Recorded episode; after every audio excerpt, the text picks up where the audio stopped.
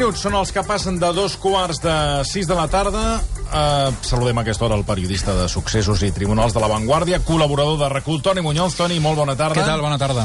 I obrim amb una notícia que hem conegut avui mateix, i és que Àngela Dobrovolski, eh, en aquest cas exparella de Josep Maria Mainat, ha estat eh, brutalment agredida a la presó de Brianzo, on compleix condemna després d'accedir fins a... No, ara ens ho explicaràs, fins a tres ocasions a la casa de qui va ser el, el seu marit. A veure, recordem eh, mm, per què està a la presó ara mateix Angela, eh, no, no per les acusacions o si més no per, per aquell intent D'assassinat. d'assassinat, sinó per la reiteració d'intent d'assalt al domicili del Josep Maria Mainat. Exacte, i de fet a ella li van dictar un ordre d'allunyament que no va respectar, fins a, la va, va trencar aquest ordre d'allunyament fins a quatre ocasions, i a la quarta, doncs, que va ser el dia de Reis, doncs ja directament el jutge va dir que l'havien d'enviar a la presó. Això va ser al gener, porta tres mesos en presó provisional, bueno, presó, provi sí, presó provisional, Sí, per sí. haver trencat aquest eh, ordre d'allunyament, i ara, doncs... Eh, Això va passar dilluns, pel que ha transcentit. No? el que ha passat, segons ha informat avui eh, Nacho Abad,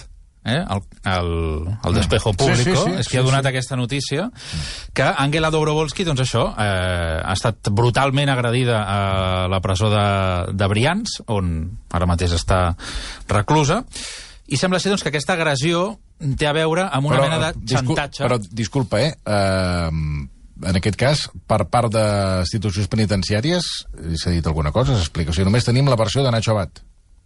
Que suposo que ha parlat amb institucions penitenciàries. No, no ho dic perquè, clar, uh, que ningú més obri boca... No, això ho deu haver explicat també potser el seu advocat, no? Ah, no sé. El que ha dit és que és això, doncs que... Dic perquè el trobo un, un cas que crida molt l'atenció mm. i després, clar, eh, no, no, no ens arriben notícies... És a dir, normalment, bueno, no, no tenim mai accés, ni ens arriben notícies d'aquest tipus que passi això a les presons. Mm. O, o se silencia o és un fet eh, eh, noticiable i extraordinari. Bé, és noticiable per, per, per qui és ella, no? Que hi ha conflictes a les presons és evident i que sí que a vegades, I sobretot... que hi ha pallisses eh, a, a, a A presos. Sí, a presos i a vegades són puntuals, però de vegades també els propis funcionaris. Sí que és veritat que els sindicats, però, per exemple, però això no, això no transcendeix. Sí, a vegades sí.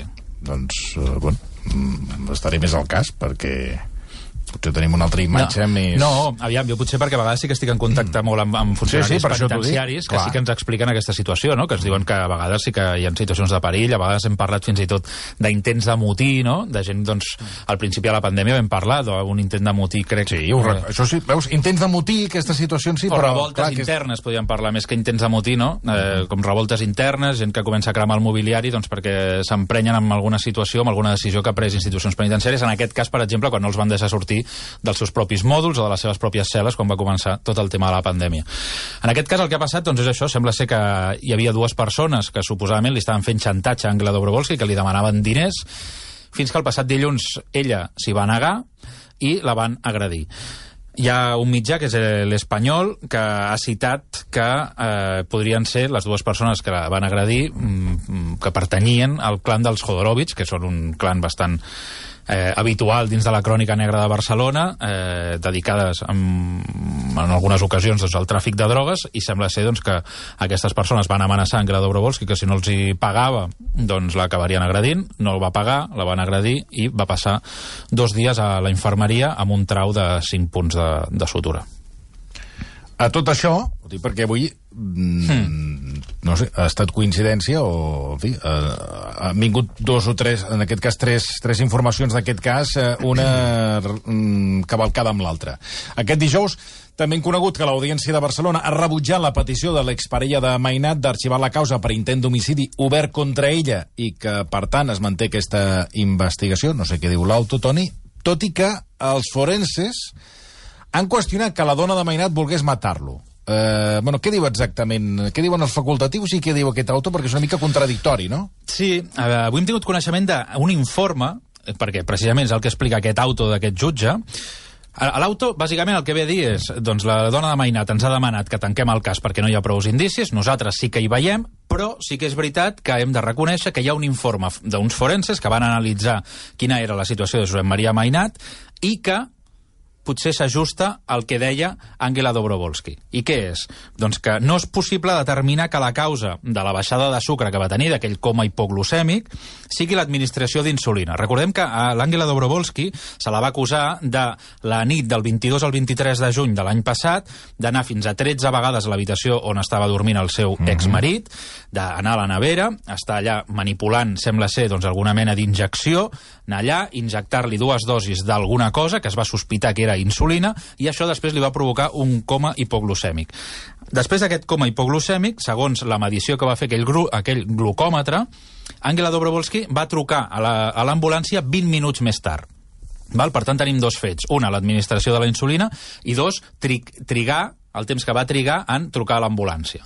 Val? Són aquestes dues coses. Doncs en el, pel que fa al primer cas, hi ha uns forenses que han dit doncs, que és possible que, no, que aquell coma hipoglucèmic no fos culpa de l'administració d'insulina, que pot ser que, no li, que ell ha negat sempre doncs, que, que li administrés, sinó que podria ser pels la, les pròpies substàncies que s'administrava Josep Maria Mainat, recordem doncs, que va aparèixer... un- Diurètiques, no? Per, eh, Sí, eren per aprimar i també exacte, vitamines. sí. I també un Segons diuen els forenses. i també un tractament anti-aging que estava fent, un antienvelliment, i considera doncs, que una d'aquestes eh, vitamines o d'aquestes substàncies sí que li podia haver provocat aquest coma hipoglucèmic. Ara bé, el que també diuen els jutges, diu, val, d'acord, pot ser doncs segons diuen aquests forenses, doncs que mm, no se li administrés insulina i que allò que li van administrar li provoqués aquell coma, però el que s'ha de veure ara, si, per acabar de tancar aquesta investigació, si realment pot haver-hi responsabilitat penal per part d'Angela Dobrovolsky, si realment ella va trigar 30 minuts, 20 o 30 minuts en trucar a l'ambulància. Ella què diu? Doncs que aquell glucòmetre estava desfasat, l'horari. Saps? És a dir, que estava endarrerit i que, per tant, ella no és que trigués 20 minuts, és que l'hora de l'última medició ja, ja estava endarrerida, saps? I d'aquesta manera, doncs, que quan ella va veure que realment entrava en coma, va trucar immediatament. Val? Doncs ara el que s'ha d'aclarir és si realment aquell glucòmetre funcionava perfectament o no, i si realment va voler... O tenia un decalatge amb l'horari. Ah, efectivament. I ara mateix doncs, és una mica la situació en la que es troba. És curiós això, perquè hi, ha, hi havia dues versions eh, en, el cas de, en el cas Mainat. Una, la que van donar uns primers metges que van assistir a Josep Maria Mainat, que van pensar doncs, que aquell coma hipoglucèmic era culpa de que algú li havia administrat insulina, i l'altra, que és el que ja li fan un cop a l'hospital, que sí que deien això, doncs que aquest coma hipoglucèmic podia haver estat provocat per l'administració d'aquesta substància que es diu Saxenda, o Saxenda, que és una injecció de color blau i que en principi serveix doncs, per, per aprimar-se. Doncs uh, fins aquí les novetats d'avui de...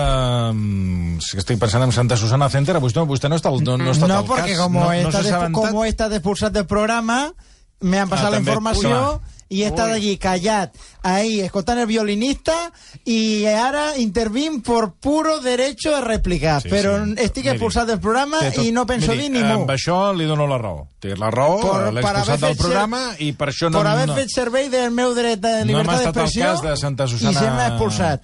Eh, Santa Susana Center, no? Media Center. Media Center. Eh, con una música preciosa. Santa Susana Media Center. Bé, avui no hem tingut Santa Susana Media Center, eh, I me pensaré que... si lo dono aquí o en una altra emissora. Bueno. Bueno. Perquè d'avui ha sigut un greuge de vergonya. Todo por expresar una broma Montse Llussà, jocosa. Montse Llussà m'ha donat la raó i... No, si és m'ha Sí, donat claro, raó, la, està. la, la És que no cosica... era una broma, perdoni. A una persona que li dius esta és una estretxa, crec que a partir d'aquí vostè, vull ha d'anar fora una estoneta, si més no, perquè s'adoni Bueno, de I que... tu m'has dit, babó, ha m'has dit asquerós, m'has dit gordo, i jo mai Doncs he demanat la teva doncs no, expulsió del gordo programa. No. Sempre li he dit que vostè és un fastigós, és un Ah, mira, fastigós i un i- vell i la- verd, mira, mira, i el aquesta, Toni Clapé i és mirándose- veritat. Ah, silenci. Uh, La mascarilla. Perdoneu, eh, però uh, sobre aquesta informació, Toni, el, uh, ara mateix tenim uh, més dades, en aquest cas, aportades per Benet Íñigo. Mm. I que, uh, segons Benet Íñigo, de la investigació que ha estat fent sobre el tema Angela Dobrolowski, que no està Brians 2 sinó Brians 1, crec que això ja ho havíem dit, que mm -hmm. estava Brians 1, que no ha coincidit, segons li han dit, amb cap Jodoro... Jodorivics, com és això? Jodorovic. Jodorovic, que no han coincidit eh, en cap d'elles, mm. Que no té cap punt de sutura, que no té cap trau al cap i que no hi ha cap denúncia per agressió. Fixa't. Va, això li han dit, eh, la font és el Departament de Justícia. Per això deia que, clar, a veure si havia passat això, Doncs el. Departament de Justícia alguna cosa havia de dir, o Sí, sí, penitenciàries. sí, En fi, veurem en què queda tot això. Uh, avui acaba el judici al Pablo Escobar suec. Ens en va parlar fa una setmana el Toni Muñoz i és un personatge apassionant. Per cert, demà publiques, uh, demà tindrem opció de llegir en profunditat el que ha estat investigant el Toni Muñoz sobre aquest, uh, aquest personatge. Uh, aquesta tarda acaba, per cert, el judici contra Jonas Sturfalk, més conegut com el Pablo Escobar suec, aquest delinqüent famosíssim al seu país, eh, a qui, com vam explicar, com dèiem la setmana passada, eh, quan començava la vista, li van dedicar fins i tot un documental a la televisió pública sueca. Uh, pels oients que no, es van, no ens van escoltar a la secció anterior, uh, fem una ràpida sinopsi de, de qui és el Pablo Escobar suec i uh, recordem pel què se, per què se l'està jutjant ara i que, uh, tal com apuntaves la setmana passada, hi ha possibilitats que surti lliure. Doncs sí, eh, aquesta persona és un, bueno, un home de nacionalitat sueca, de 49 anys, que es diu Jonas Falk, Sí que és veritat que, si mirem doncs, el seu historial delictiu, doncs al principi tenia un altre nom, es deia Jonas Oderson, però mm, quan, en fi, va canviar o va voler refer la seva vida, doncs es va posar el cognom de la mare i aleshores va passar a dir-se Jonas Falk. Però al principi, en el seu historial delictiu, sortia com a Jonas Oderson. Aquesta persona, doncs, era una persona de classe mitja que a mitjans de, o a principis dels anys 90 va començar a integrar-se en un, una organització criminal de motoristes saps? Com els Àngels de l'Infern, un d'aquests. Doncs la primera organització sueca que hi va haver-hi, que es van dir la Hermandat, doncs van començar doncs, a, a formar part d'aquesta organització i es dedicaven sobretot a fer atracaments a bancs. Eh, Jonas Falk, aleshores, doncs va... En fi, l'anaven enxampant de tant en tant, anava entrant a la presó, complia penes de, de, de dos, tres anys, tornava a sortir, tornava a cometre algun altre tipus d'atracament, i fins i tot va haver-hi dues fugues de la presó, una de les quals, doncs, eh, un membre d'aquesta banda va entrar a la presó, va encanonar eh, el que eren els guàrdies i va poder, va poder alliberar a Jonas Falk. També un altre cas va ser l'any 1995, quan a Jonas Falk es dirigia cap a un tribunal d'apel·lació d'Estocolm, de, anava pel carrer custodiat amb dos homes, quan de cop i volta va aparèixer una motocicleta amb un membre d'aquesta banda, va treure una pistola, va també amenaçar els guàrdies que el custodiaven... I va fugir. I Jonas Falk doncs, el van alliberar i va pujar a la moto de paquet i se'n va anar, no? Això, va, això doncs el va posar i el va situar com un dels, dels eh, criminals més perillosos de, de Suècia, fins que doncs, l'any 2004 surt eh, en llibertat i al final mm, decideix marxar cap a Sud-amèrica. I allà és on, segons la policia eh, sueca, en aquest cas, doncs comença a establir els seus primers contactes amb els càrtels colombians de la droga, amb el càrtel de Medellín, amb el càrtel de Cali i amb el càrtel de Pereira, i allà, doncs, suposadament es converteix en el gran narcotraficant del nord d'Europa. Eh, de fet, eh, es va obrir una gran operació internacional del sistema Eurojust, que es diu, que és l'Agència Europea de la Justícia Penal, és al final coordinar totes les fiscalies europees perquè vagin a una, i totes tenien en el punt de mira Jonas Falk per intentar atrapar-lo, capturar el narcotraficant més gran del nord d'Europa.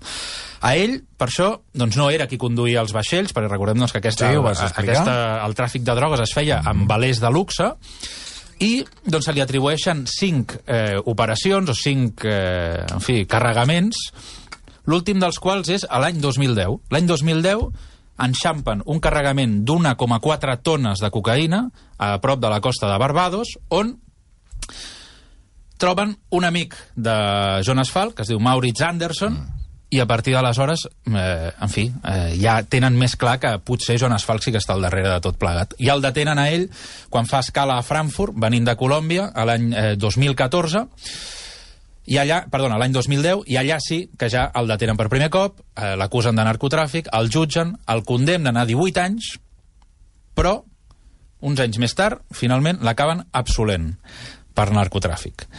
Quan surt de la presó, el tornen a arrestar l'endemà per ordre d'un jutjat de Vilanova i la Geltrú i el porten cap aquí. Per què? Doncs perquè en aquest temps que eh, Jonas Falk doncs, suposadament es dedica, suposadament es dedica al narcotràfic, ell viu entre Colòmbia i Sitges. I ell aquí fa una sèrie d'inversions, es compra una casa, i després també compra la discoteca Patxà de Sí, Barcelona. ho hem, ho, ens ho vas explicar la, Exacte. la setmana passada. Doncs en aquest judici, que s'està fent aquí a Catalunya, sí. que seria l'última fase d'una operació internacional que es va Que dir... avui s'acaba. que avui s'acaba, que es diu Operació Playa, que és el mateix títol que li van posar al documental de la televisió sueca, mm. doncs el que intenta esbrinar és si Jonas Falk aquests diners del narcotràfic els, els acabava eh, introduint en el circuit legal, és a dir, blanquejant, -huh. gràcies Sí. a aquestes inversions. Exacte, que, que, és a dir, que eh, posàvem els diners a la discoteca per blanquejar diners, no? Exacte, una i aprofitava la discoteca com una exacte. plataforma per, per, blanquejar. anar, per anar blanquejant tots els diners que suposadament acus, eh, aconseguia del narcotràfic. Què ha passat aquesta setmana? Doncs clar, aquesta setmana han, hi han hagut les conclusions definitives. Com que Jonas Falk va ser absolt de narcotràfic a Suècia, tota la investigació que van fer la Fiscalia d'Espanya es basava en un supòsit. Aquesta persona és un narcotraficant i, per tant, tots aquests diners que té de la droga els introdueix a Espanya, a la discoteca, a la seva mansió, etc. Però, clar, quan aquest pilar ha caigut, que aquesta persona no és un narcotraficant provat, clar, costa molt poder dir que tots aquests diners que ell ha blanquejat formen part del narcotràfic. I això realment és un escull que serà molt difícil que de no, salvar. però que no, li- sí, però, escolta, no- que no li poden preguntar vostè d'on tret el cèntim? Sí, i li van preguntar. I ell va dir... Doncs, I què que va dir?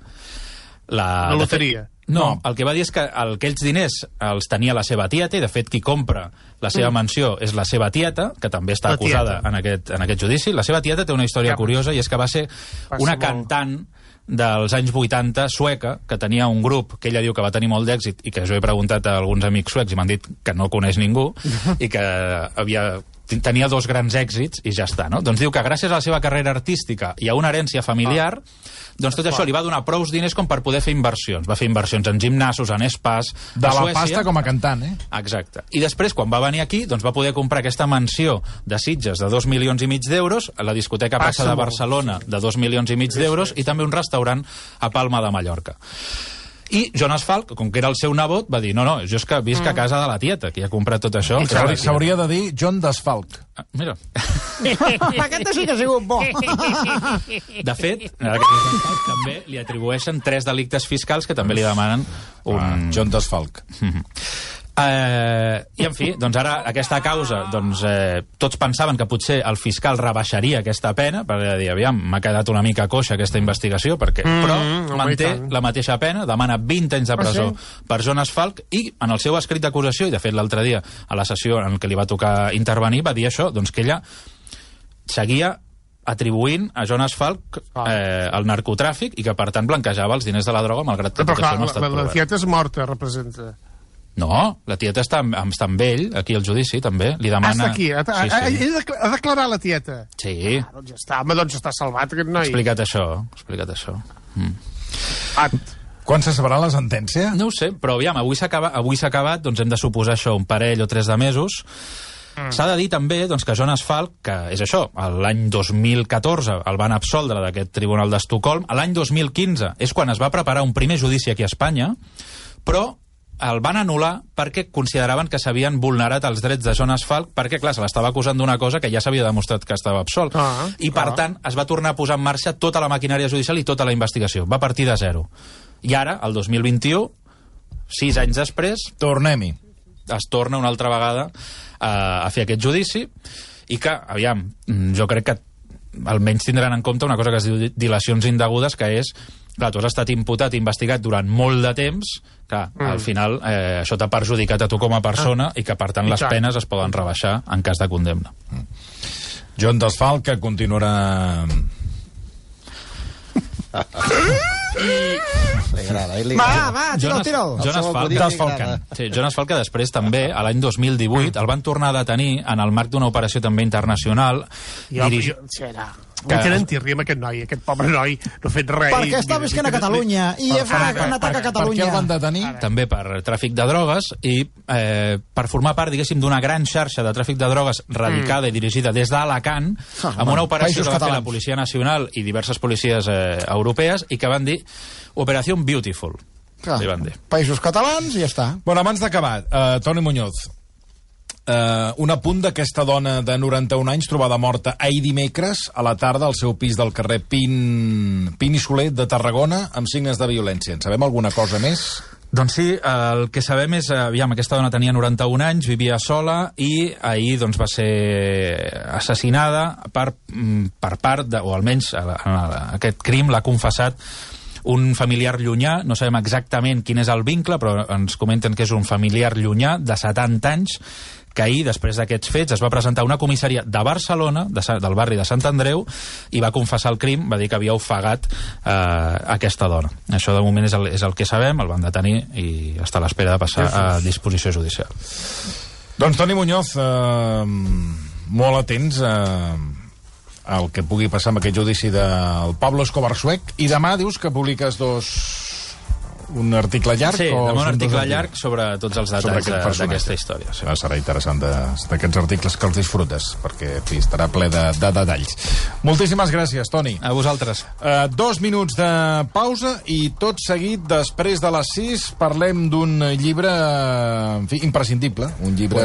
Prepara el berenar, Yo Tro- lo tengo a Toni. punto. No te n'oblidis. Yo lo tengo a punto. Sí, sí, sí. Yo estoy custodiándolo para dárselo a uno de los Bueno, a, visitantes. a més, tenim el, el, els dos gofres, eh? Sí, dels dos, de, masculí dels dos sexes, eh? Sí, sí, masculí i femení. Claro. Sí, sí. El femení no l'he vist jo. Molt vale, maco, vale, és també. igual, és igual. Preciós. No cal, no cal. No facis broma d'aquest tema, que tu això... Eh, eh? Que després la bronca para Escolti, mí. no, com hem quedat? exacte. Com hem quedat? Pues mira, tanca la puerta. Ja No deixa la porta oberta para la ventilación. No, però la porta Yo la estoy tanquem, vacunat, però- eh? però- Yo estoy vacunat con Pfizer, eh? Yo no tengo manera a tu, eh? I com és que l'han vacunat a? Fairi. Que, pues, que no memoria home. o qué? Te lo a explicar. Que Venga, yo va. estoy liada con Yamile, que es una enfermera de una residencia que me va a vacunar. Las dos dosis. Y, y propina.